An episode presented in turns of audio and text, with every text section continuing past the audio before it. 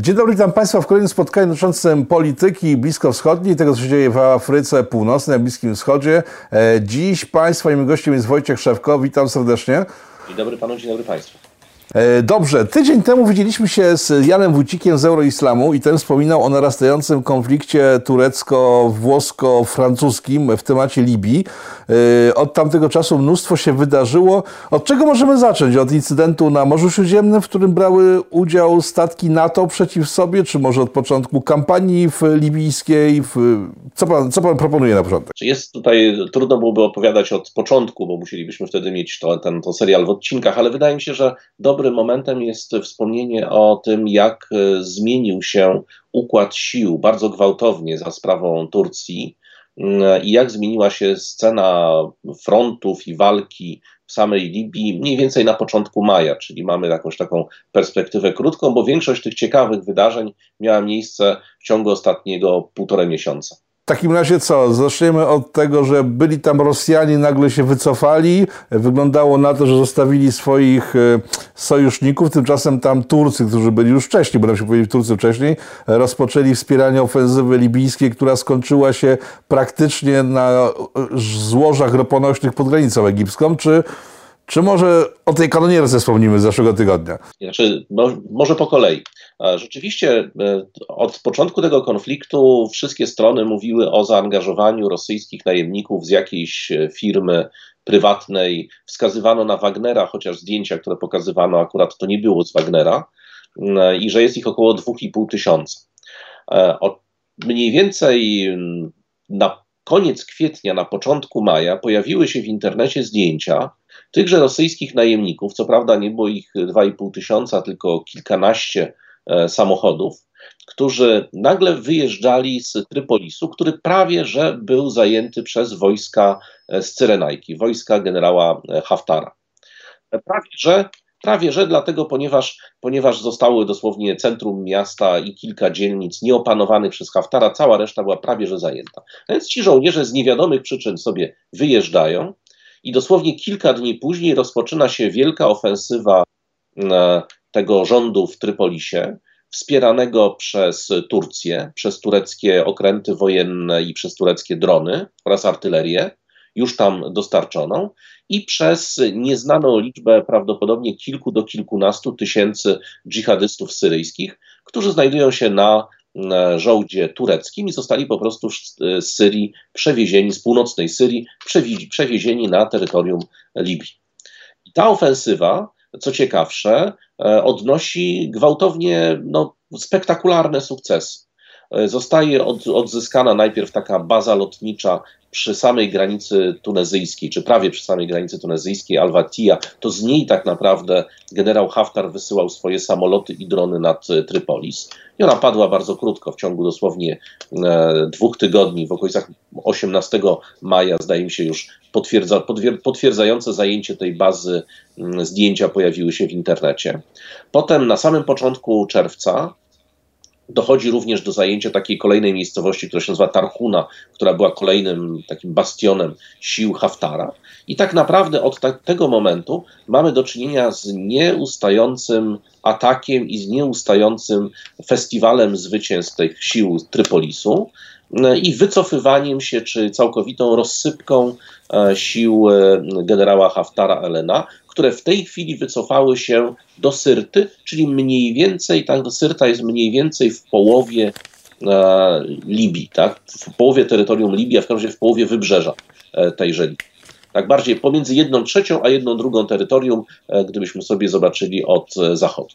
Ale zanim przejdziemy do dalszej części, kim jest Haftar? Bo to osoby, które straciły kontakt z Libią w momencie, kiedy Kaddafi stracił kontakt z tlenem, e, mogą być zagubione, co tam się właściwie dzieje, bo wiadomo, że e, Libia wpadła w stan anarchii, e, Kaddafi zniknął, tam się jakieś miejscowe milicje ze sobą biły, aż w końcu pojawił się Haftar i ten rząd, rząd oficjalny, on jest nieoficjalny. Zacznijmy od Haftara. Kim jest Haftar? Czy Haftar jest to były generał dawnej armii libijskiej, który e, był w stanie na wschodzie Libii zebrać e, resztki dawnej armii regularnej, wspieranej przez różnego rodzaju milicje, podporządkować jej jednolitemu dowództwu i odtworzyć coś, co nazywa się w tej chwili Elena, czyli libijską armią narodową. to jest to taka armia regularna, regularnie umundurowana, e, która przejęła część arsenałów na wschodzie Libii i ona jest podporządkowana Izbie Reprezentantów, czyli Sejmowi temu libijskiemu, który został wybrany w wyborach powszechnych. Mamy, ponieważ mamy w tej chwili w Libii dwuwładzę, to znaczy mamy rząd w Trypolisie, e, wspierany przez kilkudziesięciu posłów wybranych z tejże Rady, e, Rady Narodowej, prawda, czy tego parlamentu, e, parlamentu e, libijskiego.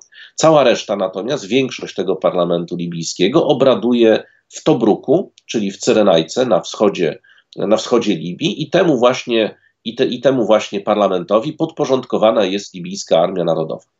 E, rząd e, w Trypolisie natomiast, Trypolis jest blisko granicy z Tunezją, prawda, czyli na zachodzie, na zachodzie Libii.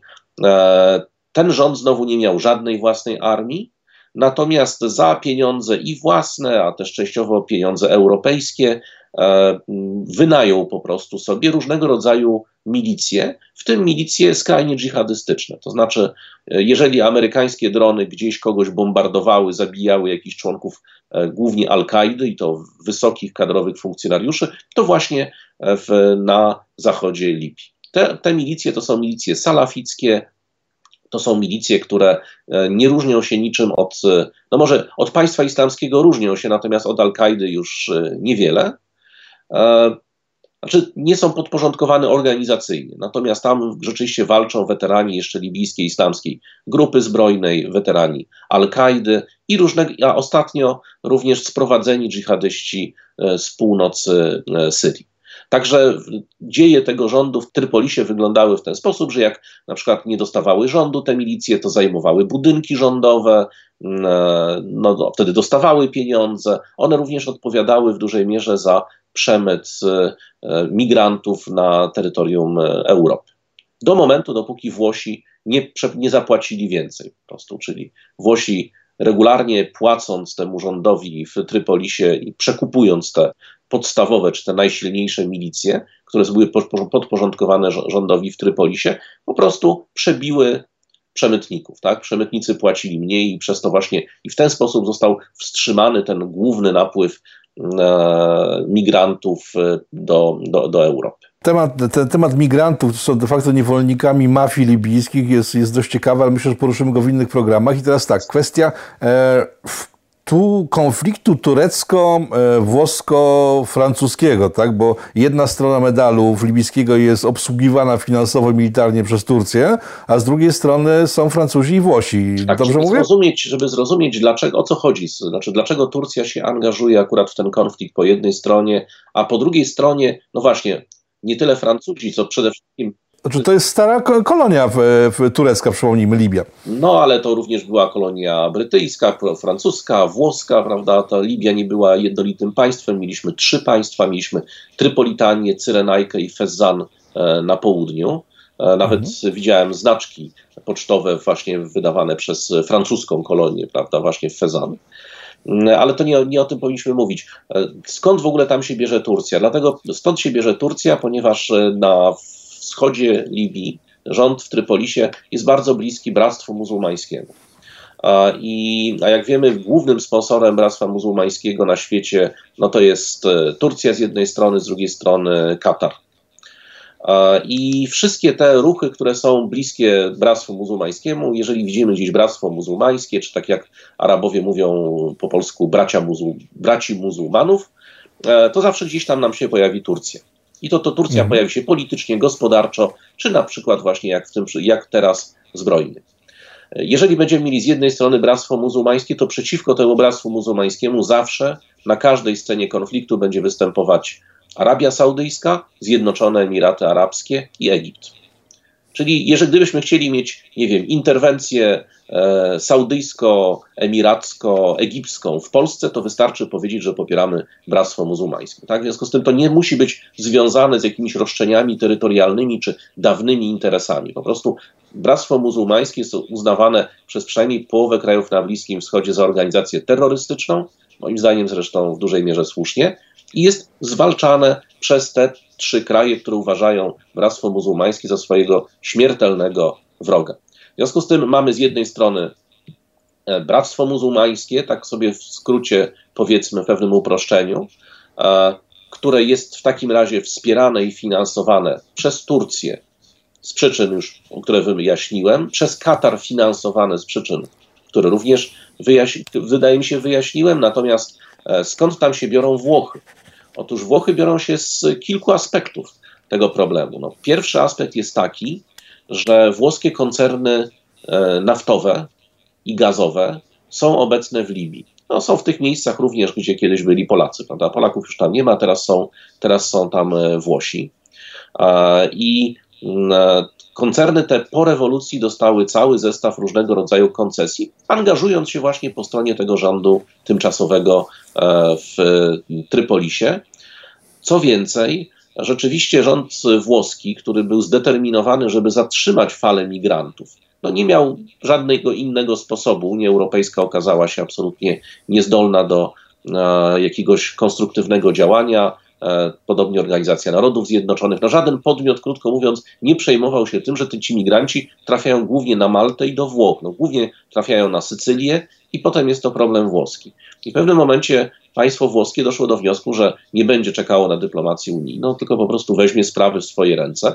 I tak jak powiedziałem, jakkolwiek byśmy tego nie nazwali piękniej, to istota jest tego taka, że po prostu zainwestowało w ten rząd w Trypolisie, przekupiło te milicje, te milicje zapowiedziały handlarzom ludzi, że po prostu ich wymordują, jeżeli nie zaprzestaną, nie zajmą się czymś innym, nie wiem, haftem kaszubskim, rękodziełem, czymkolwiek takim, ale na pewno nie przemytem ludzi. I rzeczywiście przerwano w ciągu dosłownie kilku tygodni e, te dostawy ludzi do Europy. Włochy również pożyczyły czy podarowały e, nowoczesne łodzie patrolowe dla tego rządu, wzięły na żołd rzekomo również tych strażników, czyli tą Straż Graniczną, żeby ona była nieprzekupna po prostu, czyli płacili Włosi lepiej niż ci przemytnicy. No i nagle rzeczywiście ten, to spowodowało bardzo szybką stabilizację w tej części, w tej części Morza Śródziemnego. A w tle to... tego wszystkiego mamy ropę, mhm. których, której główne eksploatowane oczywiście złoża znajdują się część na zachodzie, a właściwie na południowym zachodzie na południowym zachodzie kraju, a część znajduje się w tym takim trójkącie naftowym e, w centralnej części, właściwie w południowej części centralnej Libii. Czyli w tej chwili formalnie i faktycznie pod kontrolą wojsk jeszcze cały czas generała, generała Haftara, chociaż dochody z tej firmy, czyli z tej firmy, która jest e, firmą naftową, takim odpowiednikiem Pegenigu e, libijskiego, trafiają do rządu E, w Trypolisie. Czyli Unia Europejska, która twierdzi, że poradziła sobie z imigrantami, de facto zrzuciła to na barki Włochów, którzy za własne pieniądze zablokowali transport imigrantów e, z Afryki i tylko dlatego ich nie ma w Europie. Dobrze rozumiem? No i tak to, i tak to rzeczywiście jest. To znaczy oni teraz są w Europie również innymi trasami, a i ze względu właśnie na tą zawieruchę wojenną, na ofensywę generała Haftara, zajęcie kilku z tych miejscowości, no to jak, jak w każdym chaosie wojennym oni zaczęli znowu tych ludzi przemycać, ale z całą pewnością nie na taką skalę. No, przewiezienie przez linię frontu, gdzie jednak strony do siebie strzelają z broni ciężkiej, to nie jest tak proste jak w czasach poprzedniego pierwotnego chaosu, gdzie tak naprawdę rząd kontrolował tylko własne budynki w Trypolisie, a cała reszta kraju była kontrolowana po prostu przez albo lokalne, albo plemienne, czyli na przykład tuareskie, e, albo najeżdżające kraj z Czadu czy z Sudanu, po prostu milicje, które robiły biznes na przemycaniu wszystkiego. Narkotyki, broń, e, ludzie, kość słoniowa, no wszystko to, co się po prostu opłaca opłaca przemycać. No ta sytuacja się zmieniła. Natomiast z drugiej strony, czyli z tej strony, czyli strony rządu w Tobruku, czy parlamentu w Tobruku i tej armii e, narodowej, będziemy mieli Francję. E, również ze względu na, e, to właśnie, ktoś nawet kiedyś żartował, że tak naprawdę wojna w Libii to jest wojna pomiędzy francuskimi i włoskimi firmami naftowymi. Francja przecież zaangażowała się w wojnę przeciwko Kaddafiemu, a z tych słynnych, wyciekniętych maili Hillary Clinton dowiedzieliśmy się, że po prostu francuski wywiad dogadał się z Radą Rewolucyjną w Bengazji, czyli w Cyrenajce, czyli tam skąd jest Haftar, tak? że oto w zamian za zbombardowanie Kaddafiego i, i rozbicie jego armii Francja dostaje, francuskie koncerny dostaną po prostu koncesję na wydobycie ropy. Pamiętajmy, że ta ropa libijska jest niezwykle cenna również ze względu na to, że ona jest zaraz obok Europy. Ta ropa nie musi przepływać przez cieśninę Ormus, którą zawsze może Iran e, zamknąć w wojnie z Arabią Saudyjską, nie, muszę, nie musi przepływać przez kanał Suezki, e, nie jest narażona na jakieś szykany po drodze i tak naprawdę, gdyby Libia była krajem stabilnym, to tak jak z Algierii mamy rurę z gazem po prostu to rury z gazem przeprowadzono do Europy, tak samo mogłoby być z Libii, czyli to jest najtańsza, najbliżej Europy i no, najopłacalniejsza, krótko mówiąc, dla Unii Europejskiej ropa. Więc nic dziwnego, że ta rywalizacja jest tam bardzo silna i też Libia broń na przykład, którą dostaje, to z całą pewnością nie dostaje, nie dostaje jej charytatywnie. Yy, zatrzymaliśmy się na Syrcie, bo jesteśmy w momencie, kiedy te wojska odparły, odparły, w, od, odparły armię antyrządową. Jesteśmy w Syrcie. Dlaczego Syrta i zajęcie Syrty tak strasznie zdenerwowało Egipt, który grozi teraz wojną z kolei e, z Turcją, która de facto stoi za ofensywą? Znaczy, samo podejście generał Sisi, prawda, czy prezydent Sisi, który rządzi Egiptem, e, powiedział, że taką czerwoną linią, która jest nieprzekraczalna, jest właśnie Syrta i Jafra. Jafra to jest na południu lotnisko, notabene na którym rzekomo właśnie stacjonują Rosjanie, e, baza lotnicza, natomiast na północy Syrta. Dlatego, ponieważ później już za tą Syrtą nie ma praktycznie żadnej miejscowości, żadnej twierdzy, za, poza którą można byłoby zatrzymać te wojska GNA, które w pochodzie na wschód mogłyby zająć również i kontrolować e, złoża roponośne, o co tak naprawdę chodzi w tej wojnie. I to był rzeczywiście zagroziła po tym, e, że sam fakt funkcjonowania tych e, milicji coraz bliżej Egiptu no, oznacza po prostu zagrożenie, fizyczne zagrożenie dla bezpieczeństwa Egiptu. No, nie jest tajemnicą, że terroryści, broń, a nawet całe grupy zbrojne przenikają przez tak zwaną pustynię zachodnią do Egiptu. Egipt toczył tam wiele bitew, kiedyś nawet zabił turystów niechcący, bo wziął jakichś turystów za po prostu grupę, która wkroczyła na terytorium Egiptu. Tam Egipt utrzymuje bardzo duże siły i dla Egiptu jest to realne fizyczne zagrożenie, tym bardziej, że ta pustynia jest trudna do kontrolowania, to znaczy można przejechać kilkudziesięcioma nawet pojazdami uzbrojonymi i wjechać po prostu do zaludnionych miast egipskich w centralnym Egipcie, omijając patrole, czy w, dużej, w dużej mierze w każdym bądź razie jest to dużo trudniejsza granica do obrony niż takie granice, jakie my tutaj znamy e, z Europy. E, I to się kiedyś działo jeszcze przed generałem Haftarem, czy przed, czy przed tym jego wielkim pochodem e, w kierunku Trypolisu. E, nawet doszło kiedyś raz do bombardowania przez Egipcjan e, tych celów dżihadystów po zabiciu e, egipskich obywateli, egipskich chrześcijan, złapanych przez akurat wtedy państwo islamskie na terytorium, na terytorium Libii. I w odpowiedzi na to Egipt po prostu zbombardował cele głównie takiej, takiej rady dżihadystycznej z Misraty, i kilku innych, no takiej po prostu regularnej Al-Kaidy, tylko nie, nie nazywającej się Al-Kaidą. Tak czy inaczej, Egipt, dla Egiptu sprawa Libii to nie jest tylko sprawa ropy, to jest sprawa przede wszystkim bezpieczeństwa narodowego. I Egipt powiedział, że absolutnie, że absolutnie nie pozwoli na dalszy pochód na wschód tych milicji. E, armia Egiptu została skoncentrowana na granicy, zresztą jest bardzo wiele zdjęć, filmów w internecie, gdzie pokazuje się te czołgi przerzucane. Armia egipska jest wyjątkowo potężna. Egipt od bardzo dawna inwestuje w super nowoczesny sprzęt. Znaczy, jakbyśmy zobaczyli te setki Abramsów, amerykańskich Humvee, artylerii, e, z tej, którą my z takim trudem kupujemy po kilkanaście sztuk, to e, no, Egipt jest odbiorcą hurtowym w tym przypadku. I zbroi się nie bez przyczyny, ponieważ ma granice niebezpieczne i tu wcale nie mówimy o granicy e, z, na przykład z Izraelem, ale ma rzeczywiście granice niebezpieczne właśnie od południa i od zachodu. Z, Egiptu, z Egiptem współpracuje bardzo ściśle, finansując głównie te operacje. Współpracują Zjednoczone Emiraty Arabskie. Wiemy ponad wszelką wątpliwość, że współpracują, ponieważ sprzęt, który zaczął pojawiać się po stronie generała Haftara, w tym na przykład rosyjskie pancyry, czyli takie systemy przeciwlotnicze, e, transportery opancerzone, artyleria, ostatnio e, samoloty MiG-29, to są wszystko, to jest wszystko sprzęt, który specjaliści identyfikowali, że on został sprzedany kiedyś do Zjednoczonych Emiratów Arabskich i pojawia się regularnie w tej chwili, w tej chwili w Libii. No ale właśnie, Oprócz tego wszystkiego mamy jeszcze jedną ważną rzecz. Mamy embargo Organizacji Narodów Zjednoczonych. To embargo przechodziło różne koleje, od takiego ścisłego embarga aż do takiego mniej ścisłego, gdzie po prostu pozwalano na zakupy broni, ale za zezwoleniem Rady Bezpieczeństwa, czy potem za notyfikacją. Kto jest objęty tym embargiem? Embargiem jest objęte całe terytorium Libii.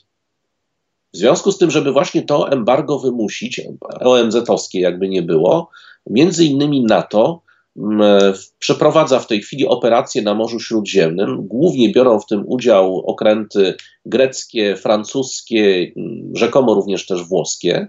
To, co, co tego nie, nie dam głowy, trzeba byłoby sprawdzić, czy w tej chwili Włosi biorą udział w tej operacji, Francuzi i Grecy na pewno. No i tu właśnie chyba pojawia się sytuacja z ostatniego tygodnia, kiedy e, fregata fran francuska zatrzymała jakiś statek turecki, podejrzewając go o przewóz nielegal, nie, nielegalnej broni, towaru i tego typu rzeczy. I pojawiły się automatycznie dwie fregaty tureckie, które uruchomiły systemy ataku i dwa statki natowskie, z jednej strony turecki, z drugiej strony francuski, e, były o krok od wystrzelenia rakiet w swoim kierunku. Co więcej, pani minister obrony narodowej, bo to nie jest żadna plotka, to zostało podniesione oficjalnie na szczycie natowskim, pani minister obrony narodowej Francji jeszcze dodatkowo opowiadała tą całą historię. E, wskazując na to, że mm, ten statek e, turecki, chociaż on jest, jak wydaje mi się, pod jakąś inną banderą płynie ten, pływał ten, ten przemycający broń, mm, e, został najpierw zatrzymany przez Greków. Pojawiły się również okręty tureckie i powiedziano, że jest to statek, który wykonuje misję NATO. Wtedy powiedziano, że to są jakieś dostawy mm, środków opatrunkowych, lekarstw, coś takiego. Potem, kiedy on się, on płynął i oficjalnie e, miał e, podany jako port docelowy e, Tunis Rades, prawda, czyli port w Tunezji, a następnie wyłączył ten, to, to urządzenie namierzające i zmienił kurs gwałtownie w kierunku Libii. Został zatrzymany przez francuską fregatę. Następnie pojawiły się dwie tureckie korwety rakietowe, które oznajmiły, że, znaczy zakazały Francuzom inspekcji, bo przecież Francuzi nie chcieli zatrzymać tego statku, tylko skontrolować, twierdząc, że wykonują misję NATO, co oczywiście było nieprawdą, bo misję NATO wykon wykonywała tylko i wyłącznie ta fregata e, francuska. A następnie, ponieważ Francuzi chcieli jednak dokonać abordażu, w związku z tym e, te okręty tureckie oświetliły radarem tym, który służy do kierowania ogniem po prostu tą, e, tą fregatę francuską, grożąc krótko mówiąc zatopieniem okrętu. No i oczywiście Francuzi odpuścili, e, statek popłynął do, do Trypolisu. Ale to, ma, ale, ale, to ma swoje dalsze reperkusje, bo NATO nie zostawiło tego bez, bez, bez komentarza, tylko chyba dość duży ferment w NATO powstał w związku z tym. No, na ostatnim posiedzeniu NATO rzekomo, to są wszystko źródła francuskie o tym opowiadają i greckie, bardzo chętnie zresztą, opowiadają o tym, że to był ten sam szczyt, na którym Turcja ponownie odmówiła przyjęcia planów e, obrony Polski i krajów bałtyckich przed Rosją, twierdząc, że nie zgodzi się na na zatwierdzenie tych planów, dopóki państwa Unii Europejskiej nie, nie ogłoszą JPG, prawda, czyli tych sił kurdyjskich w północno-wschodniej Syrii za organizację terrorystyczną, na co się oczywiście NATO nie chce e, zgodzić. No i właśnie druga to była ta sprawa powołania e, jakiejś komisji śledczej czy rozpoczęcia śledztwa w sprawie tego e, incydentu. Ja to prawdę powiedziawszy dziwię się, że Francuzi to i tak lekko zostawili, no ale e, sprawa jest na ostrzu noża, tym bardziej, że to nie jest jedyny incydent, do którego dochodzi pomiędzy e, okrętami tureckimi a okrętami innych państw NATO e, na Morzu Śródziemnym, dlatego ponieważ Turcja ponownie w ciągu ostatnich dni zgłosiła pretensje do 18 wysp greckich, które znajdują się na Morzu Śródziemnym. E, tu przypomnij, przypomnijmy, że w tle jest konflikt o złoże energetyczne odkryte w okolicy tych wysp i Turcy zostali wykluczeni z, z grupy państw, które mają e, możliwość korzystania z tych, e, z, z, tych zasobów. To jest tak, że granica turecka, morska granica Turcji została i przynależność wysp na Morzu Egejskim i na Morzu Śródziemnym została określana w, w, po I wojnie światowej w traktacie z Lozanny. I ten traktat e, prezydent Erdogan zapowiedział, że go wypowie i że przestanie go on obowiązywać. W oficjalnych materiałach propagandowych AKP, czyli jego partii politycznej, tej, która rządzi w tej chwili Turcją, pokazano mapy, jak Turcja ma wyglądać i Turcji generalnie północna Syria, północny Irak e, oraz część terytorium greckiego, włącznie z Salonikami, wyspy greckie, to wszystko ma być tureckie. Oczywiście można sobie dowolne mapy. Salonikami? No tak, no bo przecież to było wszystko kiedyś e, e ziemie, ziemie tur tureckie przed I wojną światową. I no, to, brzmi tak jakby, to, tak brzmi jakby na przykład Ukraińcy stwierdzili, że chcą Krakowa i mamy się wyprowadzić. No cóż, w każdym razie, w każdym razie e, wydawałoby się, że to jest są jakieś mrzonki, ale e, niedawno, na początku roku, prezydent Erdogan podpisał z, prezy z prezydentem Saradżem, czyli z szefem tego rządu w Trypolisie, umowę międzynarodową, która to umowa dokonuje delimitacji, czyli podziału Morza Śródziemnego, a właściwie stref ekonomicznych na Morzu Śródziemnym, gdzie Turcja ma graniczyć z Libią na tymże Morzu Śródziemnym, czyli nie uwzględniając, że ta linia proponowana przechodzi między innymi, no, czy w ogóle nie uwzględnia czegoś takiego jak wyspa Kreta, no, która w tym momencie jest, jej wody są libijsko, libijsko-tureckie. I co więcej, Turcy rozpoczęli już pracę, rozpoczęli wiercenie, na razie w okolicach Cypru, w tej swojej wyimaginowanej strefie ekonomicznej. Ignorując, że Morze Śródziemne już jest podzielone na strefy ekonomiczne i z całą pewnością nie ma tam Turcji i Libii. No to jest e, coś kuriozalnego. To tak jakby ktoś sobie, nie wiem, jakbyśmy my sobie wyznaczyli strefę ekonomiczną, która e, zakłada, że Sztokholm znajduje się w naszej strefie ekonomicznej. No teoretycznie można, do 200 mil morskich, tyle tylko, że to nie może ograniczyć praw innych państw. W związku z tym, oczywiście nie zgadza się absolutnie na to Grecja, ponieważ po prostu to dotyczy jej morza, jej wód terytorialnych, już nie tylko strefy ekonomicznej. Nie zgadza się na to Egipt, ponieważ Egiptowi też zabrano w tym układzie część, niedużo akurat, ich strefy ekonomicznej. Nie zgadza się na to również Izrael, ponieważ akurat Izrael ma plany od zresztą dawna eksploatacji złóż gazowych u swoich wybrzeży, znaczy swoich palestyńskich. To, to, to, to, to pole gazowe ciągnie się aż do Libanu i pomysł izraelski jest od dawna taki, żeby wybudować e, to konsorcjum międzynarodowe e, pod wodzą Izraela, miało wybudować rurociąg, po prostu gazociąg na teren Unii Europejskiej z tego rzekomo bardzo bogatego złoża. Co zresztą nam by wcale nie przeszkadzało, bo obniżałoby ceny gazu w Europie i e, dawało większe możliwości dywersyfikacji niż bardzo drogi gaz norweski czy amerykański LNG. Więc nam by się to akurat wyjątkowo podobało, gdyby taki rurociąg powstał. Turcy od razu po tym, kiedy ogłosili granice nowej strefy, powiedzieli, że absolutnie nie dopuszczą do tego, żeby ten, żeby ten rurociąg e, powstał. Czyli mamy takie dziwne sojusze, które się tworzą na e, Morzu Śródziemnym w związku z tym. Mamy francusko, grecko, egipsko, emiracko, izraelski sojusz z jednej strony, z drugiej strony mamy ten ów wschodnio-libijsko, turecki z drugiej. No i Włochów gdzieś tam w tle. Mhm. To wygląda na to, że Turcja stała się bardzo bogatym państwem, skoro sobie może prowadzić konflikty zbrojne e, w Afryce i być e, w konflikcie z Włochami, Francją, Egiptem, Izraelem, Emiratami i do tego jeszcze USA, które wracają tam co prawda, ale jednak pamiętają, co się wydarzyło pa parę lat temu. W co gra Erdogan i czy on blefuje, czy wręcz przeciwnie, Europa jest tak słaba, że go nie jest w stanie powstrzymać w żaden sposób? Wydaje mi się, że właśnie to, to, to drugie, to znaczy Zachód jest do tego stopnia słaby, i, i bazą dla całej polityki Zachodu, tak, szeroko pojmowanego, jest e, jak gdyby przeświadczenie o tym, że e, potęga ta iluzoryczna czy papierowa wystarczy do wymuszenia na różnego rodzaju dyktatorach jakichś powstrzymania się od jakichś działań. A Erdogan mówi cały czas sprawdzam, sprawdzam, tak sprawdzam Erdogan i przesuwa granicę. Cały czas sprawdza. Ten blef po prostu jest przełamywany za każdym razem. Proszę zobaczyć, przecież Erdogan nie tylko prowadzi w tej chwili wojnę w Libii, gdzie był w stanie dostarczyć drony, które masakrują rosyjską obronę przeciwlotniczą i to tą sztandarową, eksportową, właśnie tą, którą dostarczyły Zjednoczone Emiraty e, Arabskie. Mamy dziesiątki filmów, gdzie te słynne pancery, które miały bronić przed dronami, są niszczone przez tureckie bojowe drony. E, I tam mamy też te kilkanaście co najmniej tysięcy dżihadystów z Syrii przewiezionych, za których przecież Turcja płaci. Mamy mniej więcej 15-20 tysięczną armię turecką, która okupuje północną Syrię i, i, i jest w stanie ją, to robić efektywnie.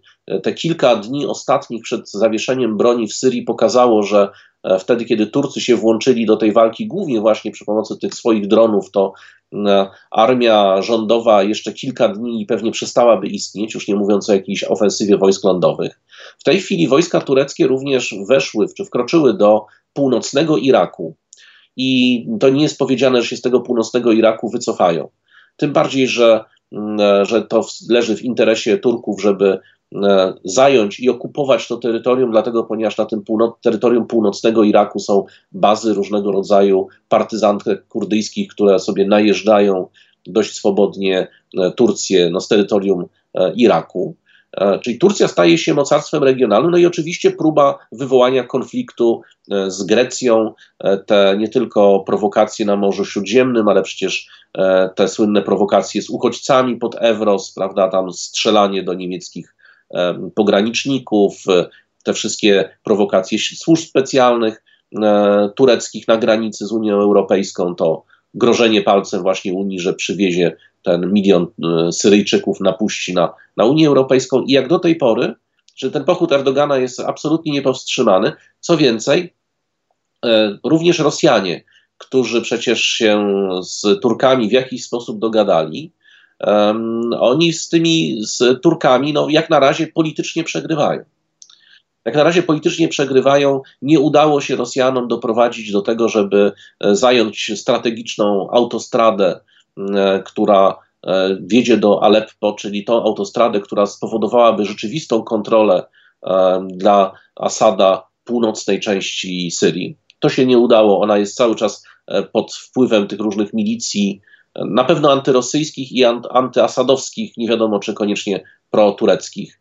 Na terytorium Idlib, tam gdzie Erdogan wkroczył, no kwitnie Al-Kaida. Amerykańskie drony co jakiś czas, to co kilka, kilkanaście dni mamy informacje, amerykański dron zabił kolejnego weterana Al-Kaidy jeszcze z Afganistanu, jakiegoś kolegę Osamy Bin Ladena, który znajdował się wysoko w strukturach tych tureckich przecież wojsk, czy protureckich na terenie, na terenie Syrii. Czyli Rosjanie są tam słabi, a w każdym bądź razie Erdogan ma zdecydowanie mocniejsze karty. Zresztą okazało się właśnie, że że ta SAA, czyli ta armia, Arab, armia syryjska wyposażana przez Rosjan, jest jednak cały czas wydmuszką. Znaczy ona nie stanowi rzeczywistej siły bojowej, nawet w starciu z tymi uzbrojonymi przez Turków dżihadystami. Mm, również Amerykanie, którzy przecież grozili palcem Erdoganowi mm, za zakupy S-400, e, nie pozwolili mu na zakupy F-35. Erdogan się, jak widać, tym absolutnie nie przejął. Czyli, czyli jakby ten te, ten zestaw argumentów absolutnie do niego nie, nie, nie przemówił. Tym bardziej, że prezydent Trump zapowiedział, że będzie wycofywał swoje wojska z tych różnych takich dziwnych wojen. Po prostu Ankara doszła do wniosku, zresztą bardzo słusznego, że e, tak naprawdę Amerykanie nie zaangażują się w jakiś konflikt e, z Turkami. Dla nich jest wygodniejsze to, że to Turcy, czy rękami Turków e, wprowadza się jakieś nowe porządki na Bliskim Wschodzie, byle nie trzeba było tam wysyłać kolejnych amerykańskich żołnierzy. I, oni, I Amerykanie zobaczą, co z tego wyniknie i wtedy ewentualnie będą myśleli dalej. Ale co się wydarzyło w takim razie od marca? Bo rozmawialiśmy w marcu ostatni raz na ten temat i wtedy wyglądało, że przyjaźń szorstka, ale przyjaźń turecko-rosyjska kwitnie. Ja pamiętam sytuację, kiedy e, oddziały e, tureckie zbombardowały Kurdów e, w zemście za to, co zrobiono, zdaje się, Rosjanom, dobrze pamiętam? Tak, tak, znaczy, tak, tak coś takiego rzeczywiście. Znaczy, co Rosjanie im zrobili, tak?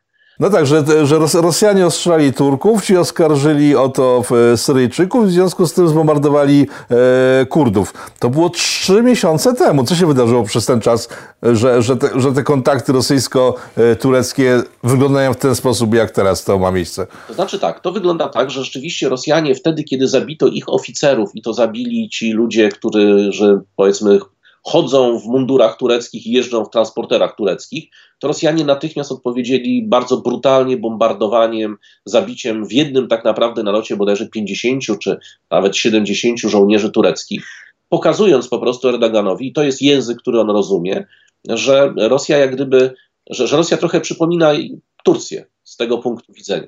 Że jeżeli Erdogan zabije kolejnych rosyjskich żołnierzy, to Rosja nie ma żadnego problemu z tym, żeby rozpocząć z nim wojnę nawet na pełną skalę i raczej za, zanim NATO wystosowałoby ostry protest w tej sprawie, to pewnie sporo tej armii tureckiej przestałoby istnieć. To jak gdyby to Rosjanie pokazali.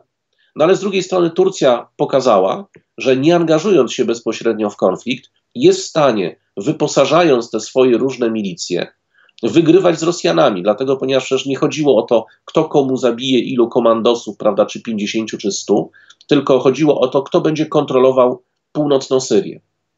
I okazało się, że Erdogan był w stanie tak wyposażyć tą armię e, dżihadystów w północno-wschodniej Syrii, że oni są w stanie odeprzeć armię rządową, rozbić ją tak naprawdę. Po ciężkich walkach, które przeprowadzono e, i być może wsparciu artyleryjskim Rosjan e, i jeszcze jakichś zabiegach dyplomatycznych zatrzymano działania wojenne. No ale z tej słynnej ofensywy, która miała w ciągu kilku tygodni zająć Idlib, nie wyszło nic.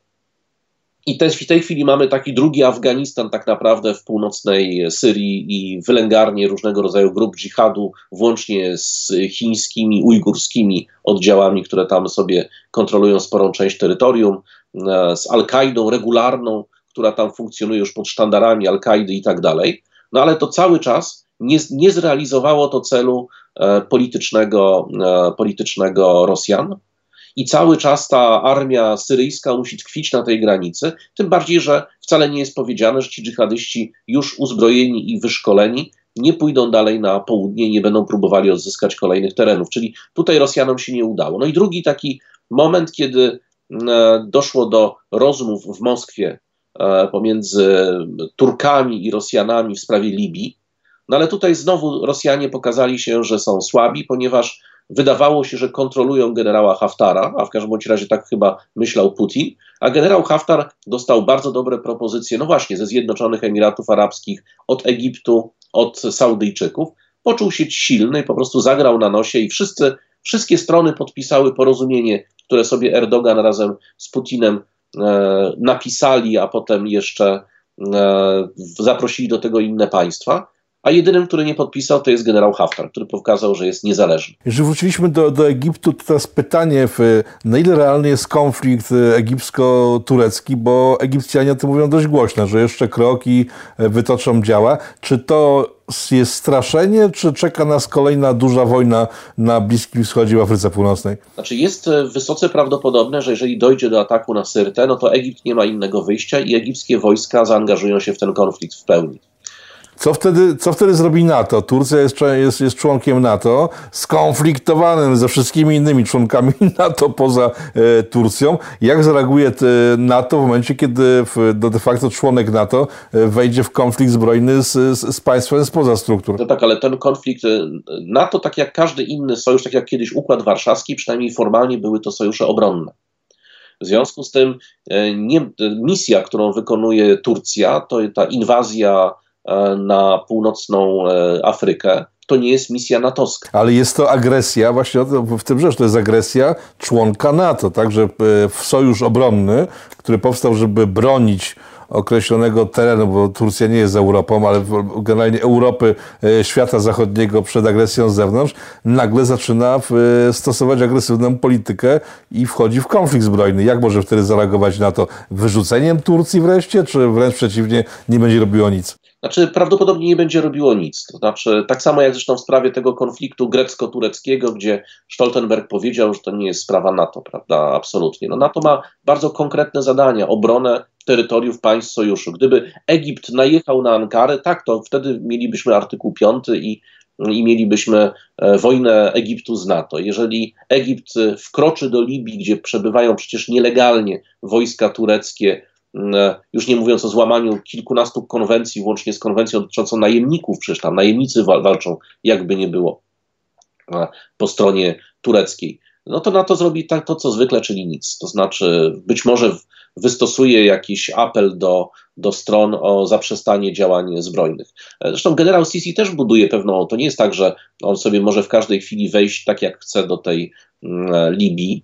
Generał Sisi zwołał ostatnio, to znaczy we wtorek, mm, zwołał e, w tym tygodniu Ligę Arabską i Liga Arabska podjęła uchwałę, w tej uchwale powtórzono tak naprawdę tezy e, egipskie, to znaczy powiedziano, że absolutnie ma nie być żadnej obcej interwencji i że wszystkie obce wojska interwencyjne mają się wycofać z Libii, ale powiedział, powiedziała również Liga Arabska coś takiego, że mają zostać rozbrojone przede wszystkim milicje, bo to jest warunek o Haftara od zawsze, że Haftar jest gotów do rozmów, jakichkolwiek rozmów politycznych, ale pod warunkiem rozbrojenia tych wszystkich dżihadystycznych milicji. To zresztą jest ta sama teza Egiptu, prawda, i wszystkich innych tych krajów, które, z którymi ci dżihadyści e, walczą. Na co się oczywiście nie chce zgodzić Turcja, no bo to są ich milicje, no to są ich terroryści, w związku z tym e, przez nich wyhodowani, przez nich wspierani, więc dlaczego mieliby nagle zostać e, rozbrojeni? Tym bardziej, że w takiej sytuacji jedyną siłą zbrojną na arenie libijskiej pozostaje no właśnie libijska Armia Narodowa, generała Haftara. I na tym chyba skończymy dzisiejsze spotkanie, bo w tej chwili więcej chyba niewiadomych jest niż wiadomych. Wiemy tylko tyle, że Unia Europejska nic nie może, e, NATO nic nie może, a Turcja za to może sobie pozwolić na wszystko. E, państwa i moim gościem był dr Wojciech Szewko, Centrum Badań nad Terroryzmem Kolegium Civitas. Dziękuję panu bardzo. Dziękuję. Zobaczenia.